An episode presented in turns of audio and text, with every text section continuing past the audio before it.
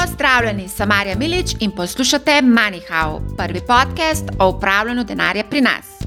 Danes bomo govorili o eni najbolj donosnih borz na svetu in sicer to je slovenska borza. Če vzamemo srednji indeks 92 borz, ki spremlja največji ponudnik finančnih podatkov Bloomberg, je slovenski SBI top letos 39-odstotno rastjo vrednosti na sedmem mestu. Upoštevali smo seveda tudi dividende, saj slovenski blue chipi veljajo za ene najbolj dividendno donosnih na svetu.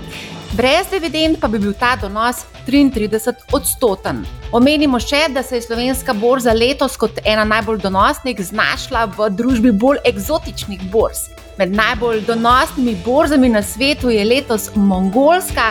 129 odstotkov donosnostjo, s preko 60 odstotkov donosnostjo, pa je letos sledijo še Zambija, Združeni arabski emirati, Libanon, pred slovensko borzo pa sta še Ghana in Estonija, oba z 49 odstotkov donosnostjo. Donosnosti smo preračunali v evrih in na zadnji uh, avgustovski dan leta 2021. Zdaj pa, če pogledamo še malce izven te eksotike na bolj razvite trge, recimo ameriški trg, najbolj znani ameriški indeks SP 500 je letos ustvaril 26 odstotni celotni donos, MSCI World, ki vključuje razvite trge, pa 23 odstotni donos. Preračun je narejen prav tako v evrih. No, zdaj pa še ena zanimivost. Pripričana sem, da bo marsikateri ta podatek zelo presenetil. Povprečna letna donosnost v zadnjih petih letih, tako slovenskim SBI Top kot z ameriškim SP 500, je dobrih 16 odstotkov, preračunari narejen v evrih. Na deset let pa gre ta razlika v prid ameriškim delnicam, ki so ustvarile dobrih 18 odstotkov, slovenske pa 11. Še enkrat. Za donosnosti smo vključili dividende in preračune narejen v evrih. Torej, lovci z visokimi donosi in visokimi dividendami imajo tarčo praktično pred domačim pragom, to da ljubljanska borza vseeno ne vleče množic, v povprečju je na dan opravljenih od milijon do dva milijona evrov prometa. V tokratni epizodi smo preverili poslovanje slovenskih blue chipov. Ravno te dni družbe objavljajo svoje poslovne rezultate za prvo polletje. Preverili smo, kako so poslovali, hkrati pa za vlagatelje dodali še pogled v dividende, donosnosti, napovedi in pričakovanja analitikov, drži kupi prodaj. V epizodi omenjamo konkretne naložbe in pričakovanja oziroma mnenja posameznikov, kar pa ni priporočilo za nakup ali prodajo. Pred nakupom ali prodajo je seveda potrebno opraviti domačo nalogo. No, in danes se bom pogovarjala o Ljubljanski borzi z Matejem Šimnicem, ki je več kot desetletje budno spremljal in analiziral slovenske delnice kot analitik na eni od borzno-posredniških družb. Danes je pa moj sodelavec na Capital Genetics, ker je zaposlen kot direktor za področje analiz. Zdravo, Matej. Ja, živijo, Marja. Pridružil se nam bo tudi Boštjan Mencingar, ki je precej, recimo, temu involviran v bohinjski turizem, bil je tudi novinar na financah, zaposlen je bil tudi v DZU-ju, bil je menedžer, je podjetnik, verjetno je še kaj, danes pa je z nami primarno zato, ker je tudi izkušen mali vlagatelj in ima ljubljansko borzo v mezinčku. Zdravo, Štjan. Ja, živeli, pozdrav sem. Mislim, da se spodobi, da začnemo ta pogovor z disclaimerjem. Rada bi predvsem poudarila, da je današnji pogovor namenjen predvsem izmenjavi mnen in kar boste slišali, ni priporočilo za nakup ali prodajo vrednostnih papirjev. Matej, Boštjan, dajte povedati, sta lastnika slovenskih večjih blue chipov, ter kdaj in zakaj ste se odločili investirati na Ljubljansko borzo? V bistvu moram priznati, da nisem lastnik, mislim, da praktično nobene slovenske delnice že, že kar nekaj letno, pa tudi če prej nisem bil. Predvsem zaradi tega, ker sem včasih pač bil upleten v vrednotenje delnic. Vrednotenja so se tudi javno uh, objavljala, so bila tudi kot priporočila strankam, In v bistvu se mi ni zdelo v bistvu najbolj primerno, da vseeno nastaja pa nek konflikt interesa, oziroma vsaj nek, nek dvom v neko ceno. Tako da v bistvu to je bil glaven razlog, da, da sem se nekoliko izogibal slovenskim delnicam. Boštjan, kaj pa ti? Ja, jaz sem pa že kar nekaj časa upleten v trgovanje na Ljubljanski borzi. Začel sem tam nekje 2002-2003, se niti ne spomnim, že več dober, ampak je že kar nekaj časa od tega. Tako da pač takrat je bila, to so bili prvi koraki, potem pa več izkušenj, več znanja, potem poskus tudi na tujih borzah, na, na Balkanu, predvsej je bila tudi ena taka dobra šola. Uh, tudi kaj se zgodi, ko ne gre vse tako, kot bi mogli. Ja, nekako od teh kriznih časov, od balkanskih, pa sem se sploh predvsem uh, osredotočil na Ljubljansko borzo. Evo, odlično. No, še, bom še jaz razkrila. Jaz sem že sicer večkrat povedala, kakšna je sestava mojega portfelja. Kot rečeno, manjši del imam investirano tudi v slovenskih delnicah, večina teh je vključenih v SBI Top, se pravi Krka, Petrol, Triglav, Saba, Luka, Koper, NLB in Cikarna.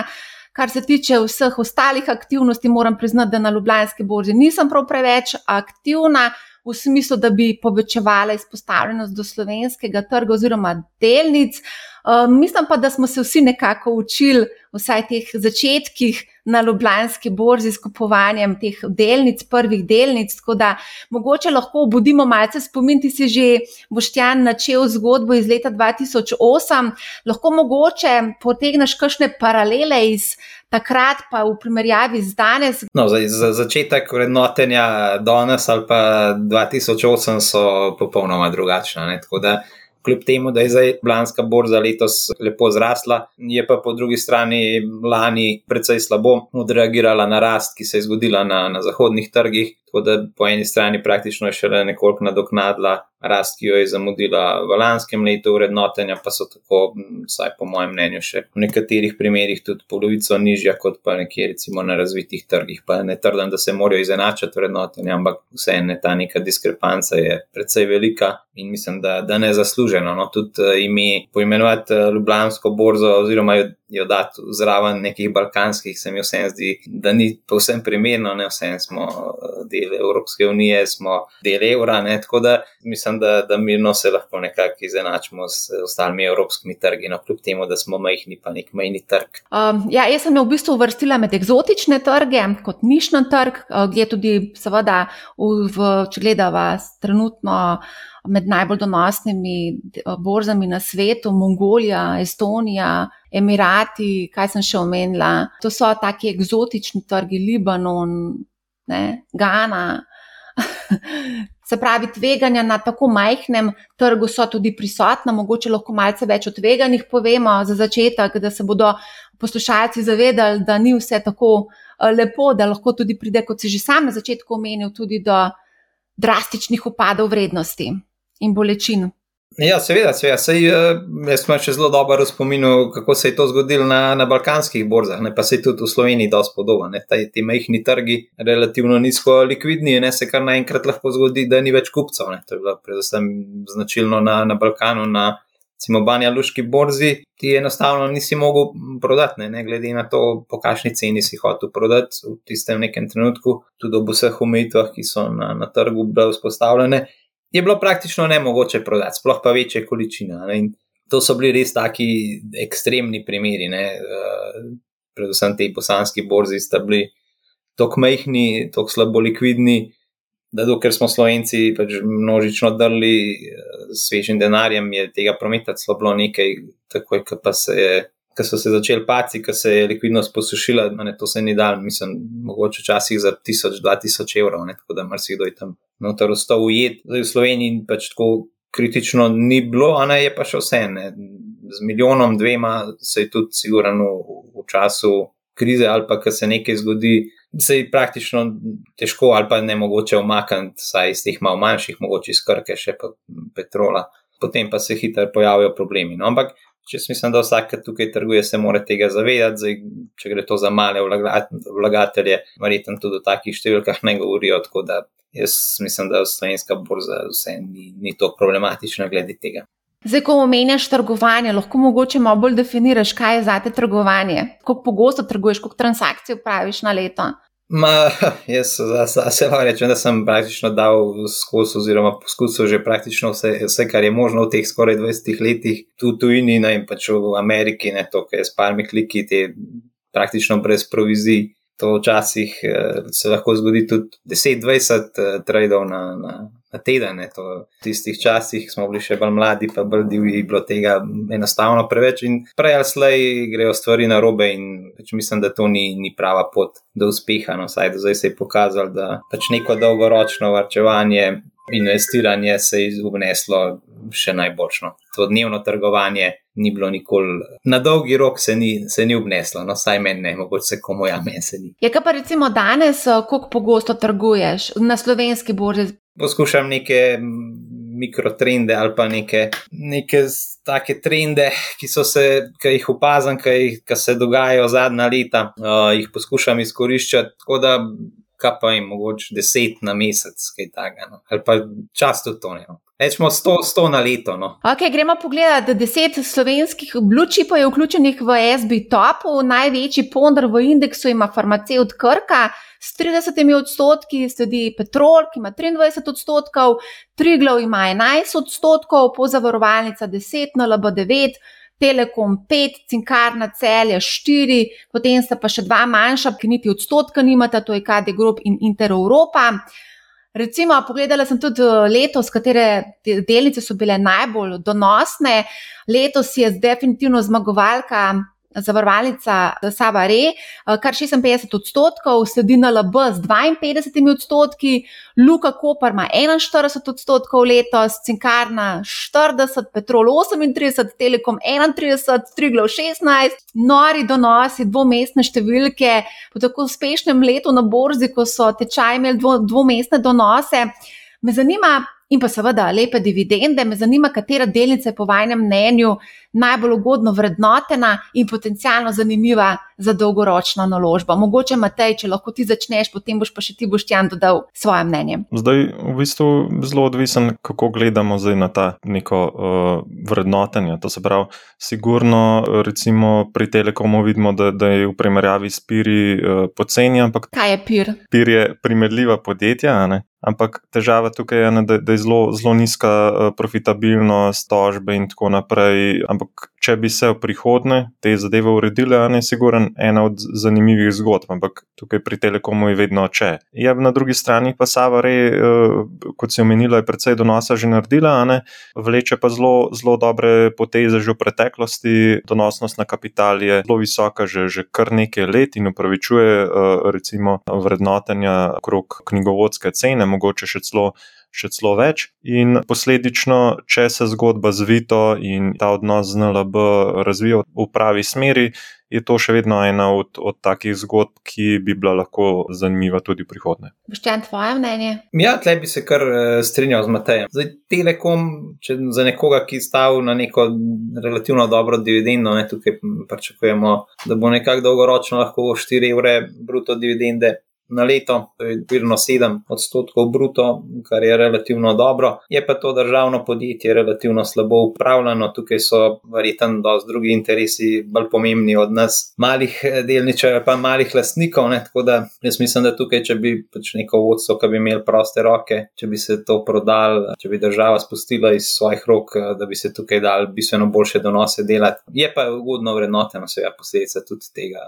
slabega upravljanja. Se strinjam s podzavarovalnim članico Sava, se mi zdi ena boljših, eh, dolgo tudi je bila pocenjena, se zdaj se vidi, zato je tudi to. Nadoknadila pa je še vseeno kar nekaj cenejša od zavarovalnice Triglav. Tukaj tudi ne smemo pozabiti, da imajo oni 10 odstotkov še lastnih delnic, ki jih lahko kadarkoli umaknejo. To niti ne, ne vem, zakaj jih še niso.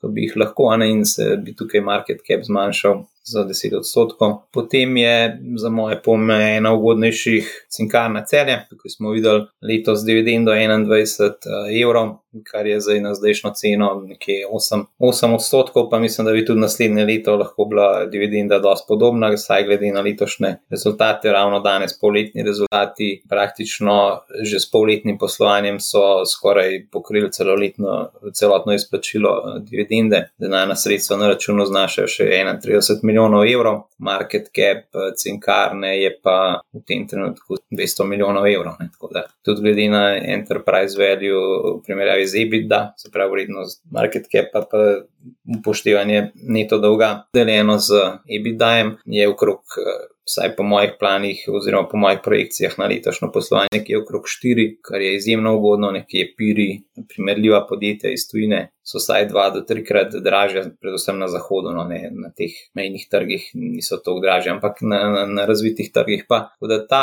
potem je tukaj zanimiva Unior, sicer še vedno visoko zadolžena, ampak oni poslovanje precej uh, izboljšujejo in če bi jim uspel se znebiti tega turističnega dela Uniturja, mislim, da, da bi tukaj lahko bila zelo hiter eh, zgodba o uspehu. Zdaj smo že ven iz prve kotacije. Ja. Se pravi, ti kot mali vlagatelj gledaš podjetja, ki pač niso v prvi kotaciji. Ja, se jaz poskušam pač poiskati naložbo, ki se mi zdi v tistem trenutku nekako najbolj pocenjena. In se ja, bolj ko gremo manjša podjetja izven SBI, se da pač. So jaz so razmerno večjim tveganjem, naj tudi bistveno večje uh, donose. Ne. Tudi ena od takih je TAP, Mežica, ne, ki je tudi uh, pač na, na prostem trgu in je tudi ena od bolj ugodno vrednotenih. Ne. In Unior in TAP sta nekje na štirikratniku IVA EBITDA na letošnje ocenjene rezultate. Zdaj, marsikdo verjetno ne razume, kaj vse te kazalniki pomenijo. Ali lahko mogoče pojasniš, ko izbiraš te naložbe, na katere kazalnike si najbolj pozoren, kaj je najbolj relevantno za te, kot za malega vlagatelja? No, če so v bistvu najbolj te splošni kazalniki za začetek, PE, PBPS, pravi primerjave cene z prihodki, knjigovodsko vrednostjo ali pa dobičkom, potem je tukaj ključen ta EVA, EBITDA smo ga že omenili. Potem pa, kar je na koncu še vse najbolj pomembno, je kakšna je perspektiva neke panoge oziroma tega samega podjetja. Ali se tukaj pričakuje nadaljna rast, ali so kakšne pačne skrite, skriti dogodki oziroma neka, neki dogodki v prihodnosti, ki bojo lahko ta dobiček še bistveno bolj okrepili, ali imajo mogoče neke vrednosti papirje, ki so pač v bilanci knjiženi po nekih nizkih cenah. Tako da treba je dobro pogledati tudi poslovna poročila, letna poročila teh podjetij, malo sentiment na trgu kaj se v tujini dogaja. In da je kar zanimivo, no, se mi zdi, da se da dosti dobro izkoriščati, da slovenska borza vseeno lepo sledi tujim borzam, pač z določenim zamikom. Ne? In tukaj se da tudi neko razliko, oziroma pač neke te boljše donose na ta račun ustvariti, ja, dokler ne pride do kakšnih eh, ekstremnih dogodkov. Pogrešam, oziroma nisi omenil kot relevanten kazalnik dividendna donosnost. Je to pomembno? No,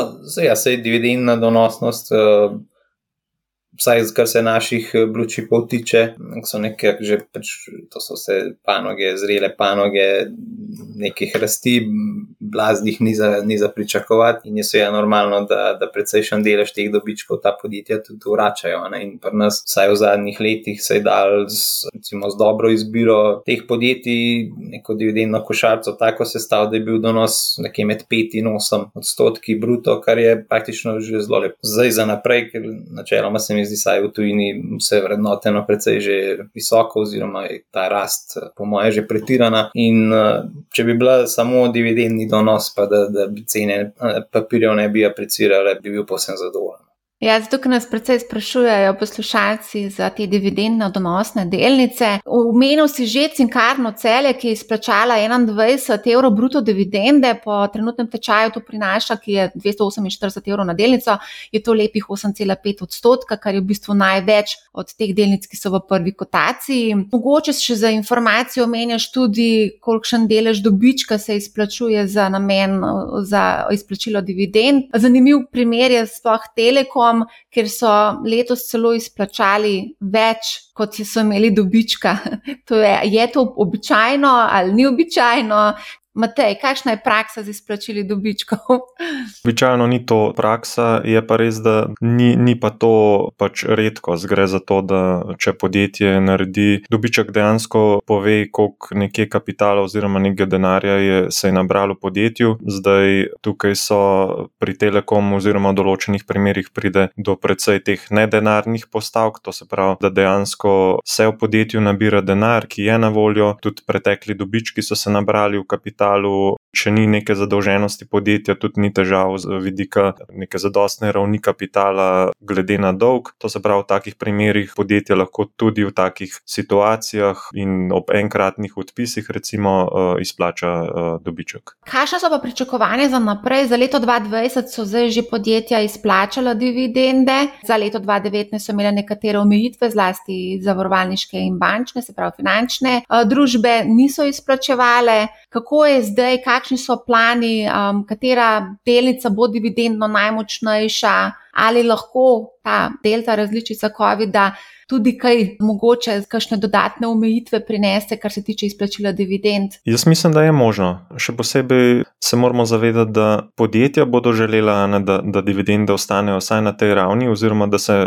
Mal povečujejo, ne glede na predhodne leto. Ne. Tukaj zdaj to ni, ni recimo to težava za, za, za kakšno krko, najverjetneje ne za mogoče Petrol, Telekom. Ko pa pridemo do, do bolj cikličnih zgodb, kot so NLB, obe zavarovalnici, tudi Cinkarna, ne, recimo, se pa lahko že pojavi v naslednjem letu kakšna previdnost, pa mogoče uh, mal manjše izplačilo, mal več zadržanja, mogoče kakšne večje investicije in potem vse to vpliva na, na izplačilo oziroma na predloge prav. Je pa res, tako kot je Boštjan prej omenil, slovenski trg je relativno zrel, podjetja nimajo neke neke visoke rasti, tako da so vsi, v bistvu vsa podjetja, precej nagnjena k temu, da se denar eh, vrača nazaj vlagateljem, ker ne na zadnje na samo vrednotenje pač ne vpliva samo to, kakšen delež dobička izplačaš, oziroma kakšen je ta dividendna donosnost, ampak tudi na to, kakšen dobiček, oziroma s koliko kapitala ustvarjaš uh, dobiček. Pač ta razmerje donosnosti kapitala je izjemno pač pomembna za, za vrednotenje in to je tudi razlog, da podjetja vračajo kapital prek dividend uh,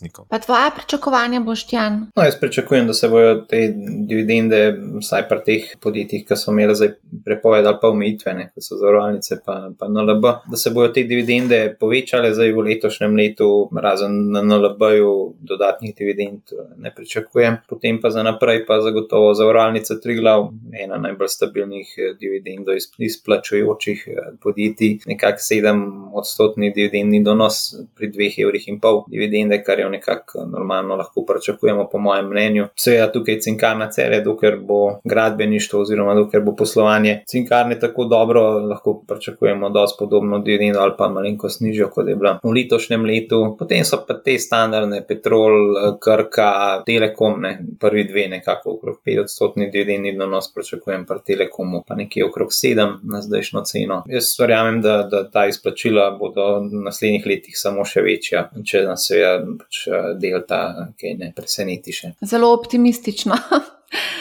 Ja, večkrat smo na Manihau že govorili o brokerjih, to je tudi ena od glavnih tem naših. Delnice slovenskih podjetij lahko kupujemo prek brokerjev doma. Ta hip eh, pri nas storitve borznega posredništva ponuja šest družb, največje BKS, Ilirika NLB, eh, SKB, Nova KBM in Intercapital. Dejstvo pa je, da je trgovanje prek domačih brokerjev precej dražje od trgovanja prek tujih digitalnih brokerjev. Vsak strošek pa znižuje tudi donosnost naših naložb, zato je temu tudi treba nameniti pozornost. Kakšen je minimalen, smiselen znesek za nakup slovenskih delnic? Boštjan, ti imaš izkušnje s trgovanjem, da je povej, kako je, to je tako relativno, Zdaj, eh, kaj se komu zdi veliko. Včasih so bile te provizije res eh, precej visoke, zdaj so tudi pri naših posrednikih že nekako ne nizke, no, ampak že, že nekako nižje. No. Ampak jaz mislim, da tudi se marsikdaj da tudi kaj dogovoriti za, za kakšno nižjo, sploh za nekoga, ki pa to mehen več trguje. Ampak ja, no, tako nekako splošno, mislim, tako, no, za manj kot tisoč evrov, pa res že mislim, da ne, no, že, že to je tako mejno. Mejno tisoč evrov. Ja, pridobivamo kar precej vprašanj. Um, zneski, ki jih navajajo mladi, so tam okrog 20 tisoč na leto. To se mi zdi kar en tak orang velik znesek za enega mladega človeka, da ga investira na en tak trg. Uh, tako da, ja, tisoč evrov, uh, minimalni znesek, da je smiselen nakup. Okay. Gremo naprej. Dotaknimo se še NLB-ja. NLB lahko kupimo preko Ljubljanske borze oziroma preko londonske tudi ne. Preko londonske ne kupujemo delnic, pač pa globalna potrdila o lastništvu. Nekaj smo o teh potrdilih o lastništvu že govorili v, v epizodi o Kitajski. Recimo, jaz sem se konkretno odločila za nakup teh globalnih potrdil o lastništvu preko mojega brokerja v tujini in ne preko ljubljanske borze. Se pravi, GDR je to globalno potrdilo o lastništvu, gre za prenosljiv vrednostni papir, ki ga izda banka. V primeru NLB je to ameriška banka Bank of New York Mellon. Ta služi kot v bistvu nadomestni finančni inštrument za delnice NLB-ja, s katerim se trguje na ljubljanski borzi. Pet teh potrdilo o lastništvu predstavlja eno delnico. Razlika v proviziji pa je lahko kar precejšnja. Če lahko navedem primer, če kupimo potrdilo o lastništvu prek tujega brokerja, plačamo 3 evre za nakup recimo 1000 evrov vrednih eh, GDR-jev oziroma pač teh potrdil. Če kupimo prek doma, domačega brokerja, pa 1000 evrov vrednosti delnic plačamo 23 evrov stroškov, kar je sedemkrat več, kot če bi storili prek Ljubljana oziroma londonske borze. Dividende se v obeh primerjih izplačujejo, je pa res, da je veriga izplačila pri potrdilu o lastništvu nekoliko daljša in lahko pride tudi do zamika. In podobno imamo tudi primer s Krko prek Varšavske borze, ki je tudi možno kupiti delnice tam. Trgovanje sicer je v polskih zlotih, nakup lahko upravimo tudi recimo prek Interactive Brokersa, da se pravi, 1000 evrov vrednih teh delnic bi nastalo 3 evre preko brokerja v Sloveniji pa približno 24 evrov. Kakšno je vajno mnenje kupiti recimo NLB v Londonu oziroma uh, Krko v Varšavi? Po mojem mnenju se jaz dosto odvisen. Zdaj, najprej, a imaš sploh že brokerja v tujini, Zdaj, če imaš eh, tam že nekaj odprto, pa da, da je pač to še ena od naložb, ki jih kupaš, Pač ja, prehranaš, ok, 20 evrov. Zdaj, če pa tega nimaš, ne, pa če bi bila to edini razlog, da bi šel tam račun odpirati še nekje pri nekem tujem brokerju, samo zato, pa če bo to enkraten nakup, pa mislim, da tudi ta razlika 20 evrov ni spet tako velika, da bi odtehtala vse te sitnosti, ka, oziroma caj ta čas, ki ga je treba v to vložiti. Ja, se strinjam. Je pa tudi, da je spet odvisno tudi malo od zneska. Pri NLB-ju na Londonu, a ne vsaj sam IPO, že, že šel v tej smeri, da se skrbi za neko uh, prisotnost, na, na, oziroma da, da je bil del že izdan tam tujim vlagateljem, tako da tam likvidnost je. To se pravi, tudi za mogoče kakšnega večjega vlagatelja ni težava.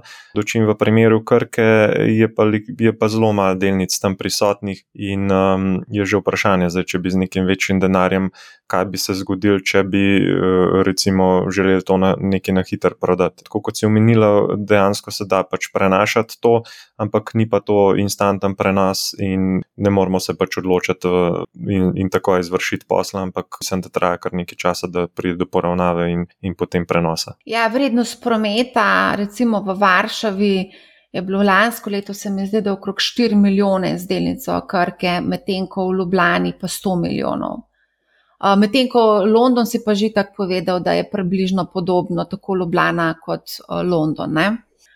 Ok, se pravi, po tako lepih donosih na Ljubljanski borzi, marsikdo se sprašuje, ali se bo ta pravljica še nadaljevala in kakšni so lahko recimo donosi v naslednjih petih letih. Boštjan, kakšne so tvoje pričakovanja? Aha, sem mislil, da me boš vprašala, eh, kaj jaz mislim, oziroma kakšni donosi bojo. Ne? To bi ti rekel, da če, če to lahko kdo pove, da, da se jaz javim, da mi to pove. Ja, seveda, jaz bi tudi rada to slišala. Ampak ja, mislim, pričakovanja jaz vse ne, po taki rasti je vse en treba ohraniti uh, trezno glavo. Tako da jaz realno, tako kot sem že prej rekel, no, tudi če ne bo neke bistvene apreciacije samih eh, vrednostnih papirjev, če bo samo dividenda nekako v tem obsegu, kot je. Pa, meni, jaz bom posebno zadovoljen, če bo to skupaj z dividendo nekje 8 odstotkov. Si skromen. Matej, kaj pa tvoje pričakovanje, kaj misliš, da se bo dogajalo v naslednjih petih letih na slovensko borzo? Je v bistvu že ta seznam, ki si, ki si ga na začetku omenjala, zdaj katere borze so bile letos najbolj donosne, ne, pove en del v bistvu celotne zgodbe. Bolj kot so recimo na zahodu neka visoka vrednotenja, ne bolj, bolj vlagatelji iščejo neke obrobne zgodbe. Zdaj, a gre to za neke alternativne naložbe, ne vem, venture sklade, private equity, nepremičnine in podobno. Podobno velja tudi, ko, ko pogledamo na trge. Bolj se denar pomika v neke frontier markets, ki so, ki so zaspani, ki, ki ponujajo neko nizka vrednotenja. In zdaj, če se bo na zahodu zgodba nadaljevala, kar se pač mogoče zna, vse je odvisno od centralnih bank, bolj se bo tudi denar lahko pomikal proti takim trgom, kot je slovenski, in uh, lahko se tudi tukaj še odvije scenarij na vzgor. Se pa ni, jasno nikoli ne ve, ne, kdaj bo te pravljice konec. Veliko vprašanj dobivamo tudi um, od poslušalcev o strategiji izstopa iz visokodonosnih naložb. Uh, večina se mi zdi, da je na ljubljanski borzi hodlarjev, se pravi, držijo na dolgi rok, verjamejo v pač te delnice. Kakšna je po vašem mnenju optimalna strategija unovčevanja dobičkov? Boštjan, ti si jih realiziral že kar nekaj, predvidevam. ja, to je tako nehvaližno. Ma, jaz se zmer trudim, da, da neko delnico, nekaj, kar je relativno precej zraslo, da je vsaj polovico ko ocenim, da, da je pač to nekje normalno, razumsko, še, še eh, pametno narediti, eh, da jo polovico odprodam, pa potem naslednjo polovico, mogoče nekako časovno, da si nekako že vnaprej določam, kdaj jo bom, ali pa po dodatni rasti tečaja, potem spet polovico, no tako nekako. Zdaj ne pa, da bi preveč drobil, pa, pa spet nekaj, pa, pa že tudi provizije. Pa. Če odločiti se je treba, pa tudi prodati. No. Se, se je že večkrat pokazalo, da, da je dobro tudi imeti nek denar na, na zalogi. Zdaj, sigurno je težko gledati vrednostni papir, ki še naprej rase, potem ko si ga prodal. Ampak verjemite, da je še bistveno hujš uh, sedeti na papirju, ki vsak dan krepko pada, ali pa gre proti nič, uh, pa praktično vse izgubiš. No. Tako da boljše je raz zamuditi, kot pa se pelati na vzdolj polno naloženimi sredstvi. Ja, kako pa je gledati, ko kar raste in raste? Mislim, verjetno tukaj udar mal pohlep ven ne? in si misliš, ok, mogoče bom pa še držal ali kako. Kdaj rečeš, zdaj pa čas za izstop in da se res tega tudi držiš? Ma, jaz sem se to kar navadil. No? Pač ta, očitno ta, ta Balkan oziroma ta, ta izkušnja teh tudi praktično skoraj 90-odstotnih padcev je naredil svoje. Ne? Tako da Jaz s tem nimam toliko težav, no. zato tudi z nekim bitcoinom, pa s temi ostalimi kojni, me praktično čisto ne vleče, pa sem zamudil ogromen. Enostavno se odločiš, da ne in delaš to, kar, kar verjameš. Zdaj ta FOMO, ne fear of missing out, je, je pač lahko boleče. Ampak to se moraš navaditi, pa to kontrolirati drugače. Prej ali slej se, se to upečeš. No. Tudi, kaj nekdo, ki je zdaj bajno zaslužil, ki bo šlo v drugo smer, bo pač praktično zelo verjetno tudi vse, vse izgubil, ker ta, ta je zdaj najpametnejši na svetu. Točno to se je hotel vprašati, koliko si bil pameten leta 2006-2007? Izjemno.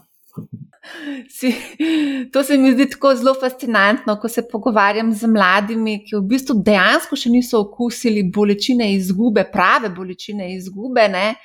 In nekako je to prepričanje, da se bo ta pravljica, ki jo zdaj doživljamo na praktično vseh trgih, kar nadaljevala. Ne? Ja, ne bo se, ne? jaz mislim, še nikoli se ni, ne? tako da tudi ta se ne bo, zdaj pa koliko časa pa še bo, je noben ne ve.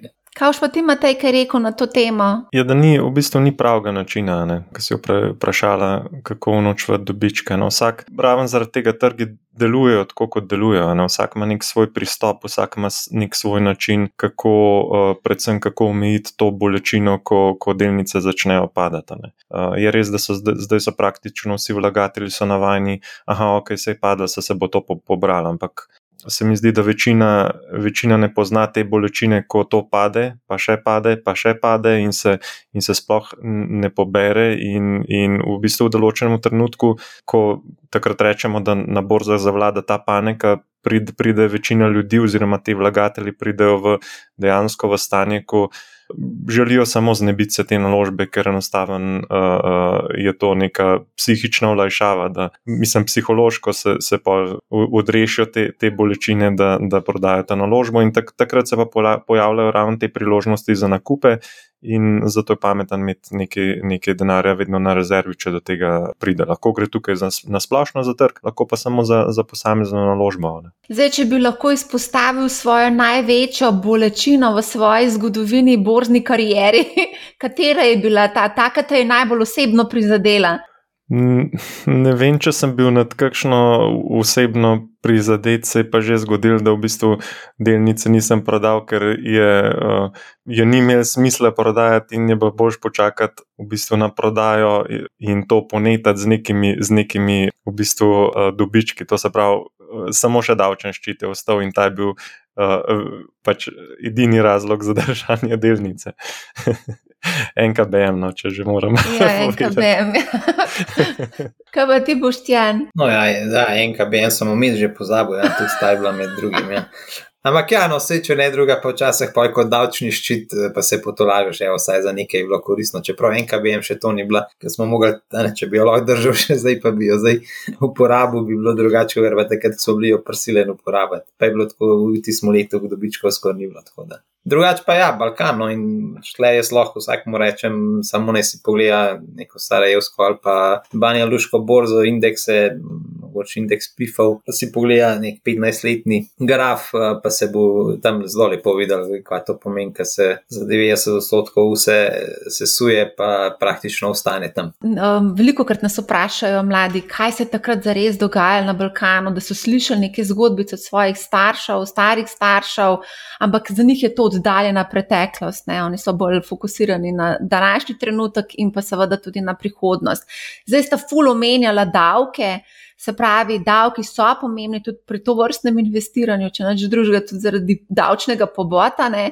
Zdaj se omenja sprememba davčne zakonodaje, ali ima to lahko tudi kakšen vpliv na delnice, na, na investiranje v slovenske delnice, na tečaje, na dividende. Boštjan, mogoče lahko ti poveš. Ja, zdaj, odvisno, v katero smer bojo šle te spremembe. Sigurno bi bilo tle treba iti čim bolj v smer poenostavitve, pa po drugi strani tudi, vsaj po mojem mnenju, znižanje teh obdavčitev. No, jaz mislim, da teh 27, pa pol, je to tudi ta zvišanje iz 25 na 27, to je neumnost, ne vem, zakaj smo sploh to naredili.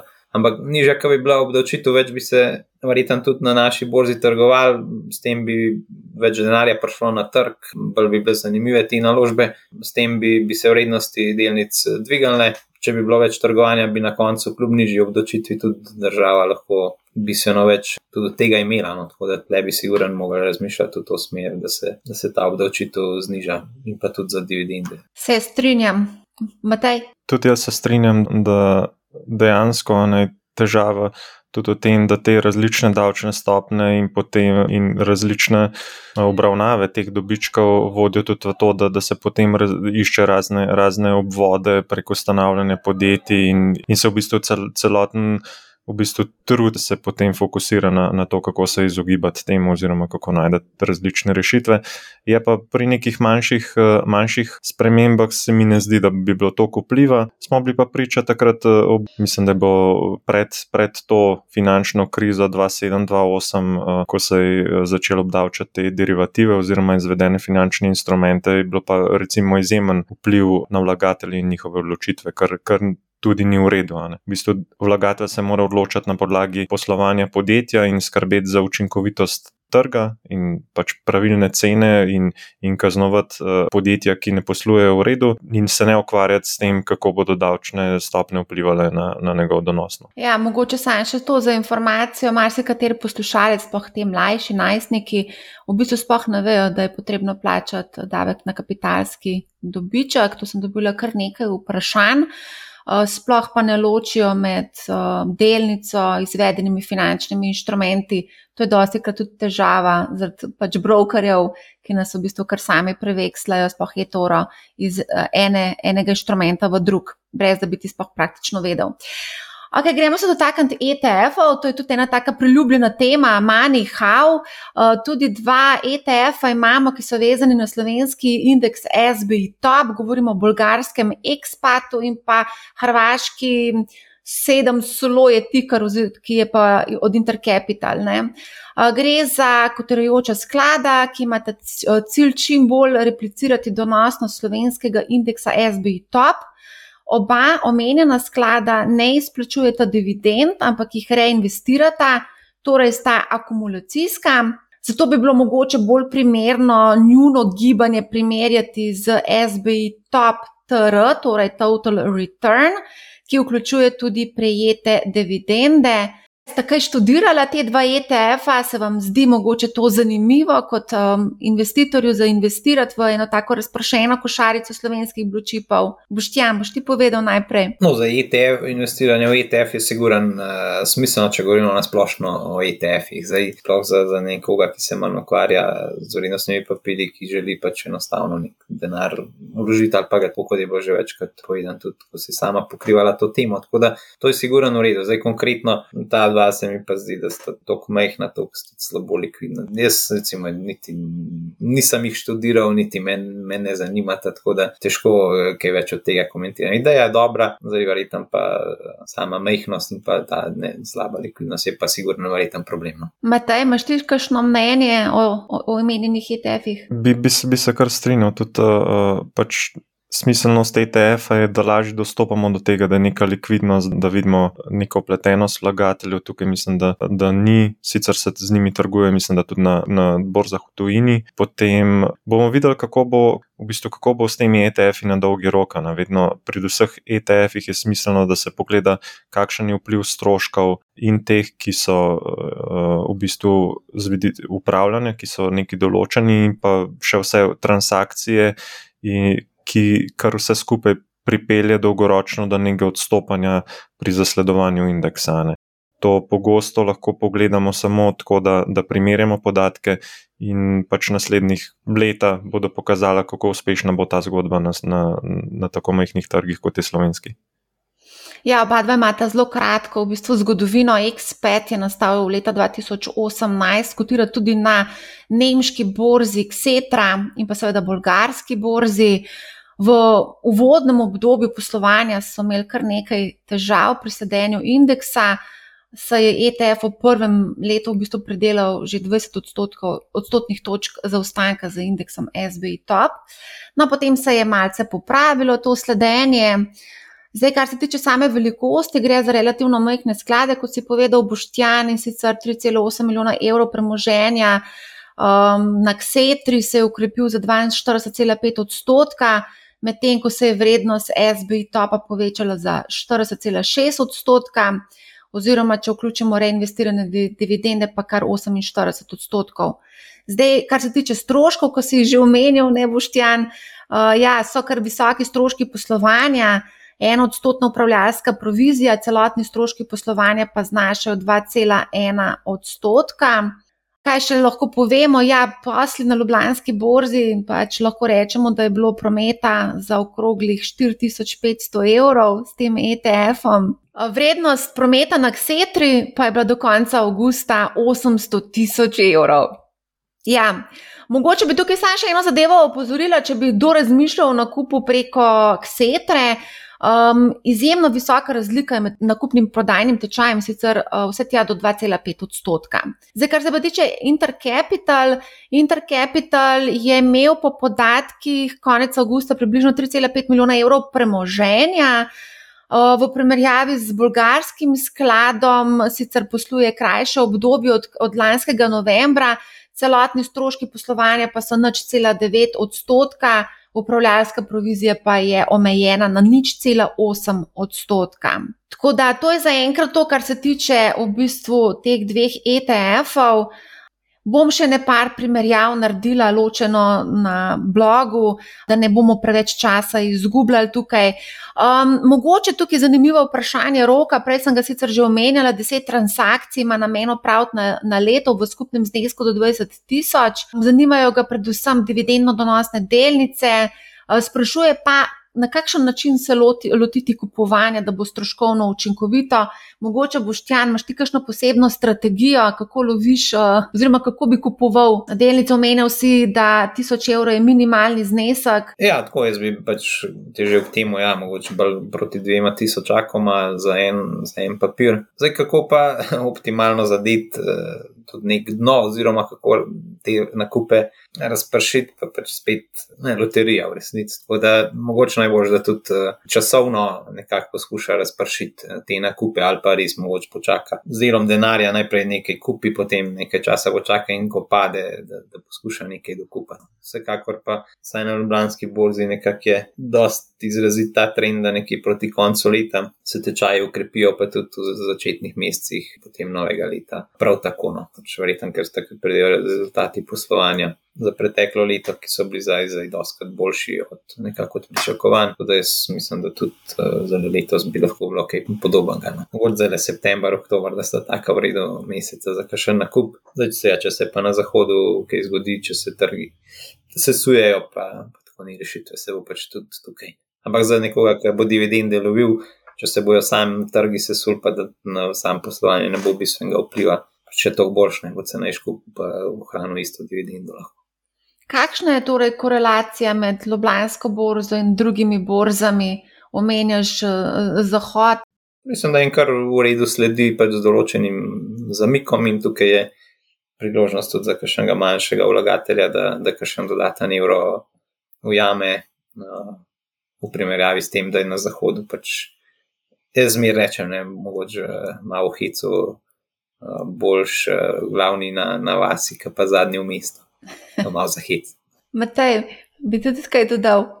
Ja, bi se kar strinjal s to oceno uh, Boštjanovo, da ja, pač je nekaj sezonskosti, je konc leta, recimo pa v začetku leta. Mislim, da delno tudi uh, na to, ker veliko vlagateljev lovi dividende in hoče vstopati pred uh, izplačilom dividende, tako da pač to je tudi posebna zgodba, ne, glede tega, ali je to učinkovito ali ne.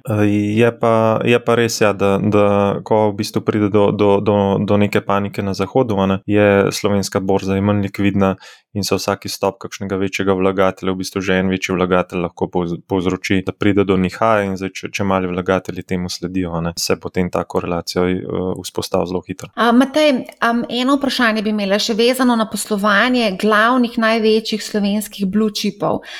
Mi dva sta bila včeraj oba prisotna na webcastu Ljubljanske borze, ker so glavni oziroma večji slovenski bluechipi predstavljali svoje poslovne rezultate in pa načrte za naprej. Ali lahko mogoče na kratko povzameš glavne vtise iz včerajšnjega webcasta? Ja, v bistvu so bila zelo, ne bi rekel, da so, da so, da so bila optimistična. Vidimo, da, da se je poslovanje podjetij uh, vrnilo v, v neke trende. Jaz mislim, da noben ni pričakoval predtem, da, da se bo tako hitro to zgodilo. Jasno, to se odraža tudi na koncu na trgu. Vseeno so pa uprave, mogoče vseeno malo previdne. Videli smo, Krkam je imela izjemno dober polletje, zdaj uh, mogoče pri petrolu pozna, da, da je bilo manj, malo manj prometa, ker smo v Sloveniji vseeno imeli zapiranje ekonomije v aprilu, ampak pri ostalih je bilo pa mogoče celo opaziti, da, da je COVID efekt dejansko imel še celo mogoče malenkost pozitivne vplive, kar je jasno razumljivo. V primeru zavarovalnice je bilo na zdravstvenih zavarovanjih manj obiskov zdravnikov, oziroma manj odkritja, zdaj kako bo odkritja kakšnih bolezni in, in s tem zdravljenja, kako bo to pač dolgoročno imelo posledice na njihovo poslovanje, seveda vprašanje. Ampak ta kratkoročen efekt je bil sigurno pozitiven. Tudi sami vemo, manj smo bili v avtomobilih, posledično manj tudi nesreč na, na cestah, in to je bil tudi pač rezultat za, za verjeten, saj malo nižji niže škode. Pri Krki pa recimo so, so bili omejitve pri obiskih, ne, in s tem eh, obiski zdravnikov in uh, nižji stroški tudi recimo marketinga in take stvari so se pojavljale, tako da splošen vtis je bil pač je bil dober, pač stabilno poslovanje, izboljšanje nazaj v te trende pred COVID-om, tako da ni bilo nekih uh, razočaranj, no. vsaj jaz nisem dobil tega vtisa. No. Pošteni si morda tudi kaj pogledal pretekle rezultate družb? Ja, nisem jaz bi tle sam to, to še dodal, no, da, da pri teh naših upravah pogrešam, pri teh naših blue-chipih, ne pogrešam malo mal več ambicioznosti. Ne. Jaz sem bil tudi sam predsednik uprave javne delniške družbe, sicer bistveno manjše, ne. ampak Seveda, najbolj udobno je nek cilj, neke načrte zastaviti take, da, da veš, da jih boš lahko dosegel. Zdaj, če ti to lastnik, oziroma če to skupaj z nadzornim svetom gre skozi, če se s tem vsi strinjajo, si pač postavimo nek nizek cilj, ga presežemo in smo potem super, vsi zadovoljni. Ne? In to se je tudi zdaj videl že o polletnih rezultatih. Ne? Presegajo plane krepko, ne? saj te polletne, zdaj se imamo neko grožno COVID-a pa rečemo, da ja, lahko gre pa bistveno slabš, in potem pač mirno rečejo, da ja, smo samo nekako, verjamemo, da bomo plane dosegli. Ja, seveda, ne, se so pol leti bistveno nad plani. Normalno, da jih boš dosegel, ti jih moraš preseči, ne, ne, da se hvališ tem, da jih boš dosegel. Zdaj, če bo pač COVID bolj močno udaril, ne, pa se bojo neke izjemne razmere pojavile, in to je en razlog, da, da se to ne bo dosegalo, ampak se bo to pač s tem pojasnilo. No. To se mi res zdi, da, da smo tako hitro zadovoljni, to nekako vsi, sploh v teh državnih družbah, je to zelo, zelo opazno, ne, ker ni nekega pritiska po, po maksimiziranju dobička, po nekih koristih za, za delničarje. Tako da tukaj imamo prostora, po mojem mnenju, še ogromno. No. Tudi uprave s temi nakupi delnic, ne podjetji, ki jih vodijo, pa zdaj dajo nek v redu signal. Ne. Se mi pa zdi, po drugi strani, smešno, da tega kupijo za ranga, ne mogoče eno mesečno bruto plačo. To je tak bolj, bolj žalosten signal. Ne. To, če treba na polno postopati v podjetje, v kjer ga, kjer ga vodiš, v kjer ga verjameš, in potem bojo sledili tudi eh, mali delničarji. Zdaj, če pa to kupimo ranga nekaj tisoč evrov, je pa tako smešno. Ja, to smo delali tudi analizo, kdo vse. Kateri predsedniki oziroma člani uprav so tudi imetniki delnic podjetja, ki ga vodijo. Pred leti so bili to le redki, predvsem na, v Krki so bili lastniki delnic, s časom so se pridružili tudi drugi. Pred časom je razložil en član uprave, da je v bistvu z nakupovanjem delnic predvsem uh, velika sitnost za njih, ker je veliko birokratskih nekih ovir in administrativnih ovir in uh, pač nekako se jim ne da poročati. Ne. To je bil nekak povzetek. No, vse, ali spet smo tam, kaj najbolj udobno, da je tako svet smo tam. Ja. Ko govoriš o članih oziroma o, o upravi, Krka recimo še vedno je član oziroma predsednik od uprave oziroma direktor uh, Jože Colarič, ni prišlo do te zamenjave, nekako se mi zdi, da so se vlagatelji potem tudi pomirili kljub tistemu uh, pričakovanju, kaj se bo zdaj zgodilo, ko mu je potekel mandat. Ne. Mogoče tukaj kakšno mnenje pri Krki. Je gospod Colarič je že um, nekako v Krki od, ne vem, mislim, od, od študentskih let, predsednik uprave tudi že kar dolg čas oziroma direktor podjetja. Boštjan, mogoče. Ja, če bojo take rezultate dosegali, kot jih zdaj v zadnjih dveh letih, naj bo kar čim dalje. Kaj pa na LB? Pri NLB imamo tudi eno tako zelo zanimivo zgodbo. Predsednik uprave je zelo aktiven. Recimo je NLB je bila prva banka, ki je upeljala ležarine, ena tako zelo pogumna, drzna poteza. Ne? No, NLB je za me en tak lep primer, eh, kaj se lahko zgodi z enim podjetjem, ki se mu da proste roke, da se ga vodi, kako je treba, ne se pravi, da je država prodala svoj delež. Jaz mislim, da je NLB zdaj dela kako je treba in da je pač to en dober primer, kako, kako je treba tudi naprej. Matej, boš ti mogoče kaj dodal? Jaz bi se kar strinjal. No. V, v, primeru, v primeru Krke je, je gospod Solarič je pomemben predvsem z tega z vidika z neke stabilnosti in, in vse njegov, pač, uh, uh, njegov položaj je, je tak, da. da um, zna zelo hitro zavreti uh, uh, kakšne politične interese. Sicer tudi sam poslovanje družbe ima specifičen in se mogoče ne bi uh, to dogajalo, ta upletanje do te mere kot v nekaterih drugih uh, primerih. Ampak vseeno, že, že z tega vidika, z tega političnega vpliva, je, je, je zelo pomemben. Pr, v primeru NLB bi se pa tudi strinjal, ja, uprave, če, če se dobi pravo ekipo, če se ji da za dost proste roke, če nad dno bdijo eh, tujci in se lahko odvijajo tudi, tudi pozitivne zgodbe, tudi v Sloveniji in se realizira nek potencial. Omenili smo tudi petrol. In pa liberalizacijo cen naftnih derivatov, to velja od septembra 2020. To je zelo pomagalo družbi, ne, eh, Boštjan, pri poslovanju. Ja, absolutno. Se to se je nekako tudi uh, pričakovalo, meni je vseeno presenetil, koliko je, je pomagalo. Tako da tukaj rezultati polletni res izjemno dobri. Uh, Sam sem bil pripričan, da, da, da bodo dobri, ampak da ne, ne toliko. Pa pričakoval sem, da bo vse en ta COVID imel še nekoliko večji vpliv, oziroma da bo tudi strah pred tem jesenskim zalevalom, da bo bistveno bolj vplival na, na samo ceno delnice, ki je po mojem mnenju kar relativno visoko ušla. Tako da sam nisem pravočasno kupil in ga zdaj tudi nisem v namen eh, loviti. Je pa siguren petrol, zdaj pač odvisno, kako bo s tem produktom, kako bo integracija zdaj tega prevzema, ko se v to iztekal. To je ena tako vprašanje, drugače pa mislim, da je to ena bolj, bolj stabilnih delnic, oziroma da tle je nekih večjih bojazni, razen tega prevzema, skoraj ne bi smel biti. Ja, v prvem poletju letos se je kosmati denarni tok povečal za skoraj 60 odstotkov, čisti dobiček pa se je več kot podvojil. Veliko je govoril gospod iz Petrola tudi o elektromobilnosti in zelenih projektih. Uh, govoril je o ESG strategiji, menda, da so celo v pogovorih z rejting agencijam o ESG oceni. A je ta tema sploh relevantna za male delničarje? Matej, kakšno je tvoje mnenje? Uh, jaz bi rekel, da je bolj relevantna za, za večje delničarje, oziroma relevantna je za podjetja, da s tem se praktično vsa, vsa glavna podjetja na, na Ljubljanski borzi resno ukvarjajo s tem, uh, ne samo pač Petrol, tudi uh, NLB, Krka. Je pa to pomemben za njih, zaradi tega, ker določeni veliki vlagatelji, predvsem tujci, se postavljajo omejitve oziroma se, se usmerjajo v. ESG in, in posledično, če nisi uh, compliant, oziroma če ne ustrezaš določenim kriterijem in nimaš vzpostavljenih nekih ustreznih politik, se ti lahko zgodi, da pri določenih vlagateljih izpadeš iz tega radarja. Tako da z tega vidika je pomembno in zdaj, če povežemo, bi lahko rekel, da je tudi za, za male vlagatelje ta tema pomembna, ker če ne bo upletenosti oziroma zanimanja strani velikih vlagateljev, potem uh, mali vlagatelji težko držijo neko ceno oziroma sigurno je vpliv na, na donose. Ne. Mali vlagatelj Boštjan, je pomembna to tema za te ISG.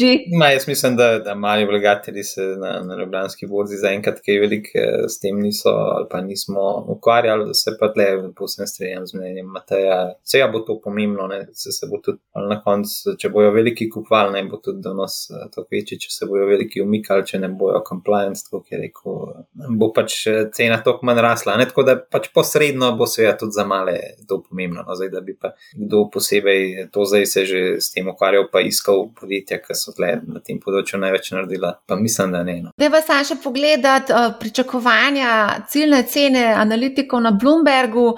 Razpon je od 429 do 462, trenutno znaša 448, vzdušje okrog petrola je optimistično in priporočilo kupi, torej vajno mnenje. Drži. Drži. Matej, bi še ti kakšno priporočilo dal? Bi, bi se strinjal s tem. No. Je, je, je zanimivo, tudi strinjal bi se s, s temi izjavami, ki so jih uh, včeraj imeli. Zdaj, lahko bi se pri določenih vlagateljih pojavila ta skrb, da ja, so v fosilnih gorivih oziroma distribuciji fosilnih goriv uh, prihajajo električni avtomobili, uh, Evropa tudi z zakonodajo to pritiska naprej in kaj bo pač s petrolom po letu 2035. Ampak vse en vozni park se ne menja tako hitro, Tako da uh, in tudi tukaj, pač tudi v, v obdobju električnih vozil, bodo uh, distributerji imeli neko, neko svojo vlogo, zdaj kakšna pa bo, pa jasno bo prihodnost uh, pokazala. V naslednjih letih pa do večjih sprememb, sigurno, oziroma ne bo neke revolucije na tem področju, ki bi pač v večji meri negativno vplivala na poslovanje petrola. Kako pa je z dividendo? Dividenda je zacementirana že 22 evrih na delnico že dve leti, je tukaj kaj prostora za rast, za dvig dividende pri petrolu? Jaz mislim, da če se bo dobiček povečeval, bo sigurno pač bo, bo prostor. Jaz mogoče pri petrolu pogrešam te v bistvu fleksibilnosti, vseeno smo v neki digitalni dobi, na zahodu to vidimo že, že, že leta, da recimo distributerji uravnavajo znotraj dneva cene na benzinskih postajališčih in petrol bi sigurno pač z neko večjo fleksibilnostjo znotraj zunaj mest na avtocestah, znotraj časovnih obdobij, sigurno še bolj maksimiziral povečal eh, dobiček oziroma lahko povečal donosnost. Um, mogoče bi samo še za krko povedal, glede na to, da uh, ima največ malih uh, delničarjev, je pa tudi kraljica Ljubljanske borze. Lahko mogoče pogledamo ciljna cena oziroma tečaj analitikov na Bloombergu je 115 evrov, priporočajo kupi ali pa drži delnica. Ali si drzneta v bistvu tudi vidva dati kakšno priporočilo za Krko? Boštjan. Jaz sem karkoli že zelo dolgo spremljam, kar je bilo dosto očitno lani, da je bila res krepko podcenjena, ne pa je zdaj, recimo, koliko dobrih dveh letih, pa je skoraj krat dva naredila, ne sploh z dividendami, se mi zdi, da, da mogoče se malo prehiteva samo sebe. No. Je res, da je še nezadolžena, da je trenutno poslovanje izjemno dober, marže so praktično na rekordnih nivojih, kar je, kar je super. Ne. Ampak, če pa gledam, koliko se da od tega naprej še rast, je pa po mojem lahko kar dosti problemov. Tako da jaz le mogoče v tem trenutku bi raje še rekel, držino. A mogoče je zanimiva tudi ta zadeva, da Krka pač nadaljuje z vračanjem kapitala delničarjev skozi odkup lastnih delnic. Kako pomemben faktor je to, ta program odkupa pri gibanju tečaja? Ja, to je en tak mini trend, ki se ga kar lepo da tudi na trgu opaziti, takrat, ko je tiho obdobje, ko, ko podjetje ne odkupuje lastnih delnic. Tečaj stagnira, mogoče celo upade ali pa saj ne, ne zraste bistveno, dokler ga nek, neka objava rezultatov samega po sebi ne premakne. Zdaj, ko pa je v tistih obdobjih, ko pa oni precej intenzivno odkupujejo te lastne delnice, pa lahko opazimo kar, kar lepo rasno. Tako da se je v preteklih dveh, treh letih se je dal kar lepo. Te, te mini trende tudi uh, izkoristiti uh, in uloviti še tleni dodaten donos v tistem času, ko pač oni precej neselektivno kupujejo te lastne delnice. Matej, bi še mogoče kaj dodal tukaj? Je mogoče še kakšna taka zadeva, mogoče kje je primerjalno vrednoti na danes v primerjavi z drugimi pač, uh, generiki?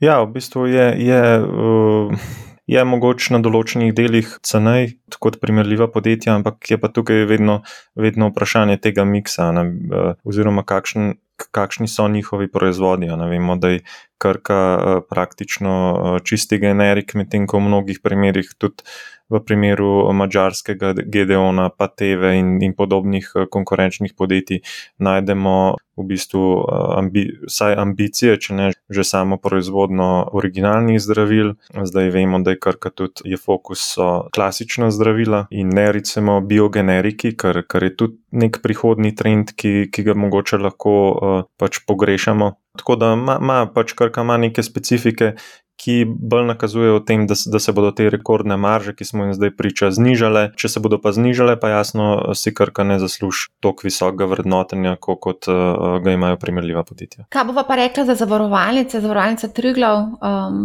Sava, pozavarovalnica? Ja, tukaj, tako kot sami omenjajo, ne, težava so, so obrestne mere. Ne. Vse premije, ki jih plačujemo za, za avtomobile, za, za, za hiše, za varvalnice, ne držijo v denarju, pač jih morajo investirati v, v finančne instrumente. In zdaj, če so obrestne mere na teh instrumentih nizke, kot smo zdaj priča, je težava na tem investicijskem delu. Je pa treba priznati, da so da sta obe zavarovalnici v zadnjih, ne vem, recimo tudi desetih letih naredili pač precejšen napredek pri tem, da, da je manj škod, da bolj v bistvu opazujejo, kateri segmenti zavarovalništva so pač donosni in se pač tja usmerjajo. Tako da z tega vidika pač je obnašanje obeh zavarovalnic, saj moje mnenje, tako precej pozitivno. Je bila pa kar precej velika razlika v gibanju tečaja, če ti lahko rečem, tečaj Triglava se je ukrepil za 16 odstotkov. Tečaj Save Repa za kar 56 odstotkov. Kako gledaš na razliko med obema delnicama, Boštjan? Ja, jaz sem že kar nekaj časa predvsej bolj bil navdušen nad pozorovalnico Sava. Ne, se mi zdi, da so tudi bistveno bolj ambiciozni, ne mogoče tudi včasih kaj več tvegajo, ne, kar je pa tudi na samih rezultatih vidno. Ne, če se jim kaj ne izide, ne, pa, pa so kakšne škode, ne, so bile nek na japonskem ali kjerkoli že se, se nas spomnim več dobro. Ampak tudi, da jih je že kaj presenetilo. Ampak, če pa gledamo rezultat, so pa oni napredovali bistveno bolj. Uh, kot pa recimo Triglav. S tem pa ne mislim, da, da je Triglav slaba naložba, po drugi strani to bolj konzervativni kot so, ne? neka bolj, bistveno bolj stabilna, mm, tudi dividendni donos je, je, je višji, no tako da meni je iz tega stališča, se pravi, ambicioznost in pa tudi koliko je uprava lastnih delnic kupuje in kako delajo. Mi je pozavarovalnica Sava bolj všeč eh, in tudi se mi zdi, da je ugodno vrednotena. Zdaj sam tri glav je pa, ja, pač pa je stane škoda, ker so tako manj ambiciozni, pa, pa ker ni, ni te rasti čizga dobička, se če pogledamo, ne sam rast eh, pozornice stava ali pa tri glava se bo Sava skoraj toliko dobička čizga naredila, kot tri glavne, pa je bistveno večja tržna kapitalizacija tri glava. Tako da tukaj mislim, da, da bi lahko tudi eh, tri glav mehan sledil tej pozornici. No. Zdaj za samo uravnotežitev portfelja, pa za manj tvega, ne pa tudi ureda, nekaj stabilna dividenda, pa, pa če je posebej to bolj tvegan, pa je tri glav, eh, malo manj, pa je, pa je tudi načeloma uredno. Manj pa obi. Ja, zavarovalnica Triglav je izplačala 1,7 evra bruto dividend ob trenutnem tečaju, ki pač delnica kotira pri 35 evrih, pa je to 4,9 odstotka. Sava Repa je izplačala 0,85 evrov bruto dividende in ob trenutnem tečaju to pomeni 2,95 odstotno dividendno donosnost. Matej, želiš še nekaj dodati? Ja, mogoče, mogoče tukaj lahko tudi uh, vidimo to, kar smo prej omenjali. Pač, uh, Triglav ima precej uh, uh, uh, vel, visok delež državnega, državnega lastništva ne? in um, v bistvu nikoli ni bil neki zelo, da bi rekel, izjemno ambiciozen in mogoče tudi zaradi te preteklosti, tudi v preteklosti je bilo izjemno veliko menjav, prav zdaj v zadnjih letih se je to, mislim, že kar nekaj časa se je to vsaj malo umiril, v preteklosti bi bilo pa tega zelo veliko. Dočim v, v primeru Savere uh, ni bilo toliko menjav, mislim, so, so bile dve, tri leta nazaj. Ampak bili, njihovi načrti so bili že, že veliko potezni, že, že od začetka. To se pravi, ko so šli v prevzem uh, zavarovalnice Maribor, pa v izdajo dodatnih delnic, prevzem skladov in tako naprej. Tako da v bistvu so, so bolj navajeni na, na te večje premike in očitno v redu prenašajo tudi, oziroma se izogibajo tem političnim pritiskom in so zaradi tega očitno tudi bolj uspešni. Uh, bo pa vprašanje zdaj v povezavi z NLB-jem se, se špekulira, da bi bila lahko Savari tudi tudi kupec skladov največje slovenske banke. To bi bil kar velik finančni zalogaj in to bo recimo ena tema, ki jo bodo vlagatelji morali presoditi, ali to pravi eh, korak v, v pravo smer uh, ali ne. Ja, o tem je bilo kar precej govora, o tem se precej špekulira. Prodajni postopek naj bi po pač, poročanju medijev stekel to uh, jesen. Zdaj, ko govorimo že o NLB-ju, gremo še malce pogledati poslovanje NLB je lahko mogoče na kratko povzameš, veliko govora je bilo o komercialni banki na webcastu Ljubljanske borze. Matej, mogoče lahko na hitro povzameš glavne uh, zaključke poslovanja NLB-ja. Ja, strategija NLB je, da, da se usmeri v, v, v kor dejavnost, to se pravi v bančništvo, zato tudi prodaja Vite, spet Saviri, pa potem zdaj napovedana prodaja skladov, pa nakup uh, srpske banke. Zdaj uh, tudi naprej smo, smo videli, da, da je uprava nakazovala, da, da njihove ambicije so v, v novih prevzemih. Tako da z tega vidika je tudi tam vidimo neko ambicioznost uprave. Te trgi so pomembni, vemo, da Evropska oziroma evroobmočje ima zelo nizke obrestne mere in dosegati tukaj na te neke obrestne marže je izjemno težko. Zato je zelo pomembno, da, da banka išče priložnosti druge, to so pa sigurno države po Balkanu, ker so obrestne mere so više, sicer jasno, to ima določena tveganja, ampak eh, brez tega tveganja bo zelo težko ustvarjati neke donose, resne donose za, za delničarje. Kako pa je z dividendo? Za junija so delničari potrdili izplačilo 1,24 evra dividende na delnico v dveh obrokih, 60 centov in 64 centov. Kako boš ti gledaš na to, na dividendo, ali pričakuješ morda v prihodnje kaj višjo dividendo? No, seveda, jo pričakujem, se jo tudi oni sami eh, napovedujejo. Ne? Tako da tukaj, če ne bo nam del ta različica še kaj je hujšega zakuhala, bo zagotovo pač ECB eh, in pa Banka Slovenije, če boste te umitve sprostile glede izplačevanja dividend, bo kot sami napovedujejo že za jeseni, verjetno izplačano ali pa do konca leta še dodatna dividenda, pa potem naslednje leto zagotovo tudi bistveno više. No? Tako da jaz dolgoročno nekako pričakujem, da bojo neke 4 evre na delnico izplačali dividende, no, če ne bo kakšnih večjih prevzemov ali pa kaj. Tukaj tudi kljub temu, da, da hvalimo to ambicioznost, je treba pa seveda biti tudi previden. Na tem Balkanu so naše podjetja že naredila cel kup neumnosti. No, tako da tle, tle vse pač od vodstva in pa kakšen je interes teh ljudi, ki to počnejo, In to je najbolj pomembno. Ja, preverjali smo tudi na Bloombergu, kaj pravijo tuji analitiki. Lahko rečemo, da niti kančka pesimizma ni med njimi, vsi enoglasno priporočajo nakup. Recimo JP Morgan je zelo optimističen in pravi, postavijo ciljno ceno kar na 107 evrov, drugi so mal manj optimistični, ampak še vedno zelo optimistični, sicer v razponu med 65 in 78 evri. Kako vidva gledata na to, kje bi lahko bila cena delnice na nek srednji rok? Je, trenutno je, je cena, je cena 30 odstotkov pod knjigovodsko vrednostjo. Zdaj, zgodovinsko gledano in tudi zdaj na trgu je banke dosegajo knjigovodsko uh, vrednost delnice s ceno na borzi tam pri, pri desetih odstotkih, 10 do 12 odstotkov donosnosti na kapital. Če bo NLB v prihodnje to dosegala, bi si absolutno zaslužila eh, više vrednotenja. Je pa vedno vprašanje. Zdaj vemo, da v zadnjem obdobju prihaja še celo do sproščanja rezervacij in neoblikovanja rezervacij za, za slabe kredite oziroma za morebitne odpise kreditov. Tako da, če se ta strošek dodatno poveča, ne, bo treba na, na obrestni marži in na, na drugih uh, maržah uh, precej več narediti, da, da se to izniči. Boštjan, boš morda še kaj dodal? No, če se strinjam z Matejem. No. Jaz mislim tudi, če, če bi sama cena delnice nekje ostala tu, kot je, pa če imamo 4 evre dividende, je to skoraj 7. 700 donos, kar je pa moje za nekega racionalnega ali pa razumnega dolgoročnega vlagatelja več kot dovolj. Ja, racionalni in razumni vlagatelji, se pravi, danes vsi nekako imajo željo dosegati čim više, oziroma seveda to je tako logično, čim više donosi. Um, zdaj, kje je ta, koliko je še v bistvu, do, do, do, do katere točke je to v bistvu nekako še, pač kako bi temu sploh rekla.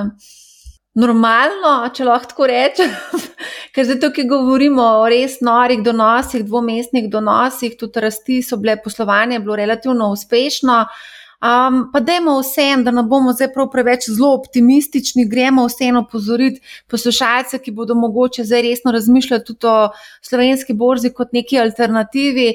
Dajmo vseeno pozoriti uh, še enkrat, na kaj moramo biti vse pozorni, ko investiramo na slovensko borzo. Že sama izbira naložb, to, to je pač prvi korak. Zdaj, eno je izbrati mogoče res blue chip oziroma neke podjetja, ki jih ocenujemo kot kot podcenjena, se res zatleni izbire, tako da prav tudi zgrešiti se bistveno nadane. Potem časovno to nekako malo razpršiti, to se mi zdi tudi dosti pomembno, ne? Zdaj, če se naenkrat uh, je vprašanje, ali smo dobro zadelani, pa če smo imeli srečo. Smo. Potem pa spremljati, uh, kaj se na zahodu dogaja, ne? tam to bo ključno, kot smo rekli, naša ljubljanska borza sledi razvitim trgom, ne? tukaj je Amerika, je tista ključna. Vse pa zdaj le videl, no, v zadnjih dveh mesecih, ne, tudi ko so bili ti neki popravki manjši na vzdolj na, na ameriških borzah, jih pa nas praktično ni bilo. No, tako da to je mogoče tudi en tak dober signal. In se mi zdi, da če bi dosti malih vlagateljev ali pa da bi tudi te večji, mogoče nekaj več sredstev namenili na, na Ljubljansko borzo, že tudi če bi samo te dividende potem pobirali ne, v primerjavi z nekim pregretim ameriškim tehnološkim podjetij, ali pa nas, da kom na splošno, ki je, ne vem, na koliko je zdaj na 30, pa je že ali že več, se ne na pamet, pač neke nora vrednotenja.